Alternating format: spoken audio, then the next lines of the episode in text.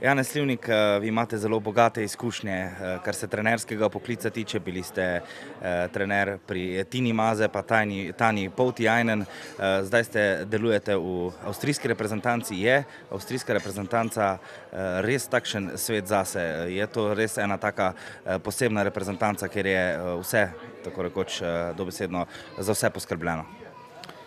Avstrijska reprezentanca oziroma ta vse pogon smučarski je to je, to je neprimerljivo z drugimi ekipami, kar sem jaz zdaj delal, ker je to mogoče vem, primerjalno krat deset večje vse skupaj. Uh, tako da uh, imamo veliko stvari na voljo, veliko stvari se da, praktično ni stvari, ki se jo ne bi dal, pa jaz rekel temu tako.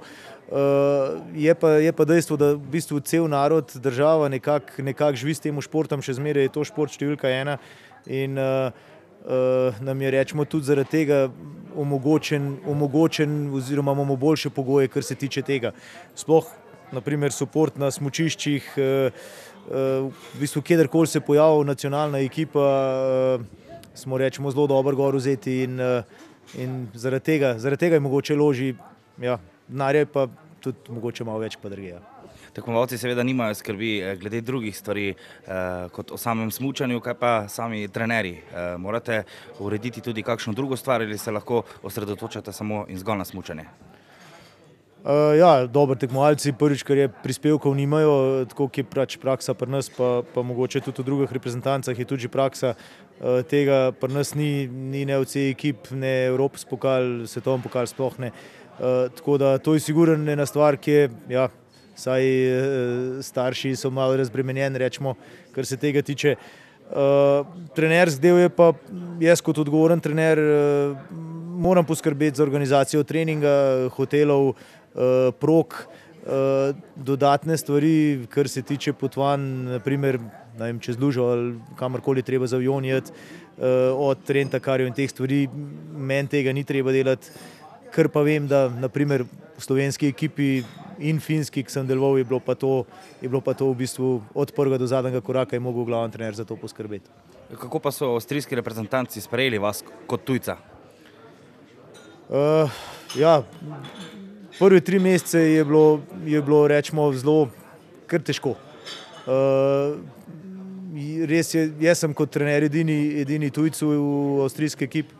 Uh, poleg tega tudi Slovenci, glede na to, da, da imajo da imajo pač oni svojih trenerjev tok, uh, ja, da težko priznajo, da je kdo boljši.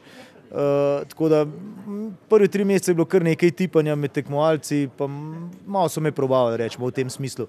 Ampak uh, ja, sej na tej ravni tekmovalci točno vejo, a, a, ti, a ti prodajaš ta prave stvari ali ne.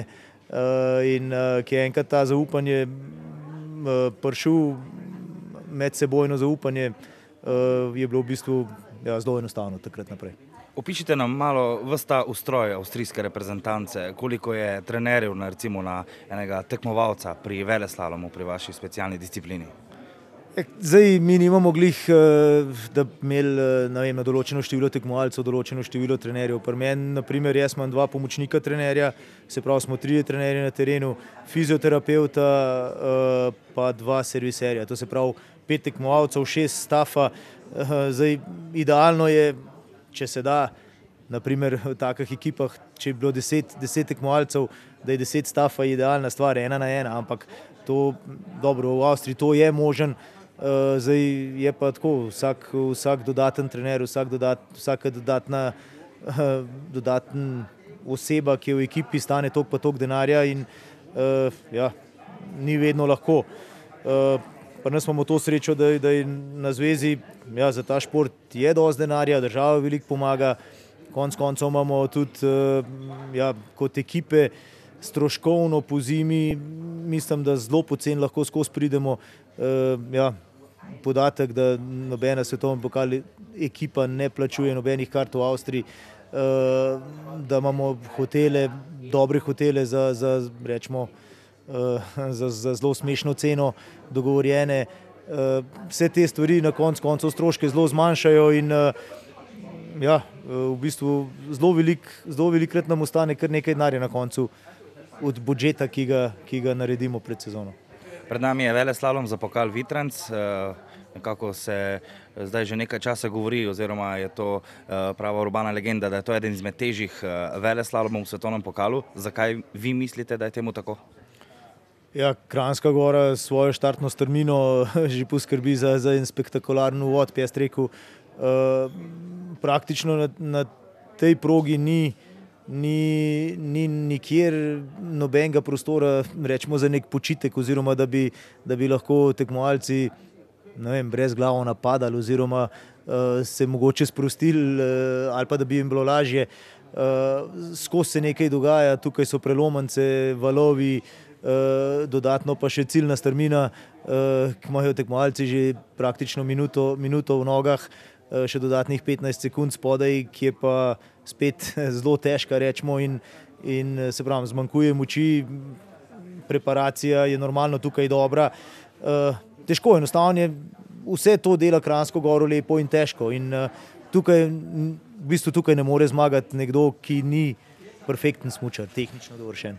Janez Livni, za konec tole še, ste avstrijski trener oziroma trener v avstrijski reprezentanci, to pomeni, da imate brško ne stik tudi s trenutno najboljšim smučarjem na svetu, Marcelom Hiršerjem. Opišite nam malo, kakšen je Marcel na treningih, odkot vsa ta njegova uspešna karijera oziroma kje je skrivnost te njegove neverjetne konstantnosti v zadnjih sezonah? Uh, Marcel uh, ima v bistvu svojo ekipo, ima svojega trenerja, strani Smučarske zveze in fizioterapeuta, uh, oče je prisoten vedno, uh, od Atomika ima dva serviserja, plus ja, na vsakem treningu verjetno še dva, še dva ekstra fanta zraven uh, od Atomika, tako da support okoli njega je, je, je res ogromen. Uh, je pa tako, Marcel je ja, pravi profesionalc, kondicijsko je noro močan. Uh, to, ki enkrat da majico dol, je v bistvu težko verjeti, da, da je to sploh možen. Uh, ampak uh, zelo natreniran fant, uh, on je petkrat osvojil veliki kristalni globus, uh, v bistvu zadnjih pet let nobene poškodbe, kar je tudi posledica zato, ker je tako fizično pripravljen. Uh, nobene stvari ne prepusti na ključju, uh, če je slučajen, kje je kakšna nevarnost na treningu, ne, raj ne trenira. Uh, tako da nekako imajo vsako stvar ima, ima zelo preštudirano, ogromno testira eh, material, uh, tako da praktično za vse podlage nekako ve, kaj bo, kaj bo vozil, uh, občutke očitno ima noro dobre, kar se tega tiče.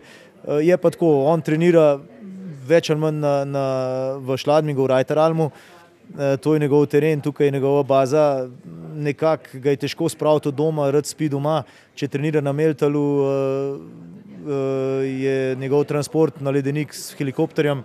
Uh, tako se pravi, v bistvu zelo malo časa zgublja s treningi, ker uh, trenira praktično vedno s, z motornimi sanmi.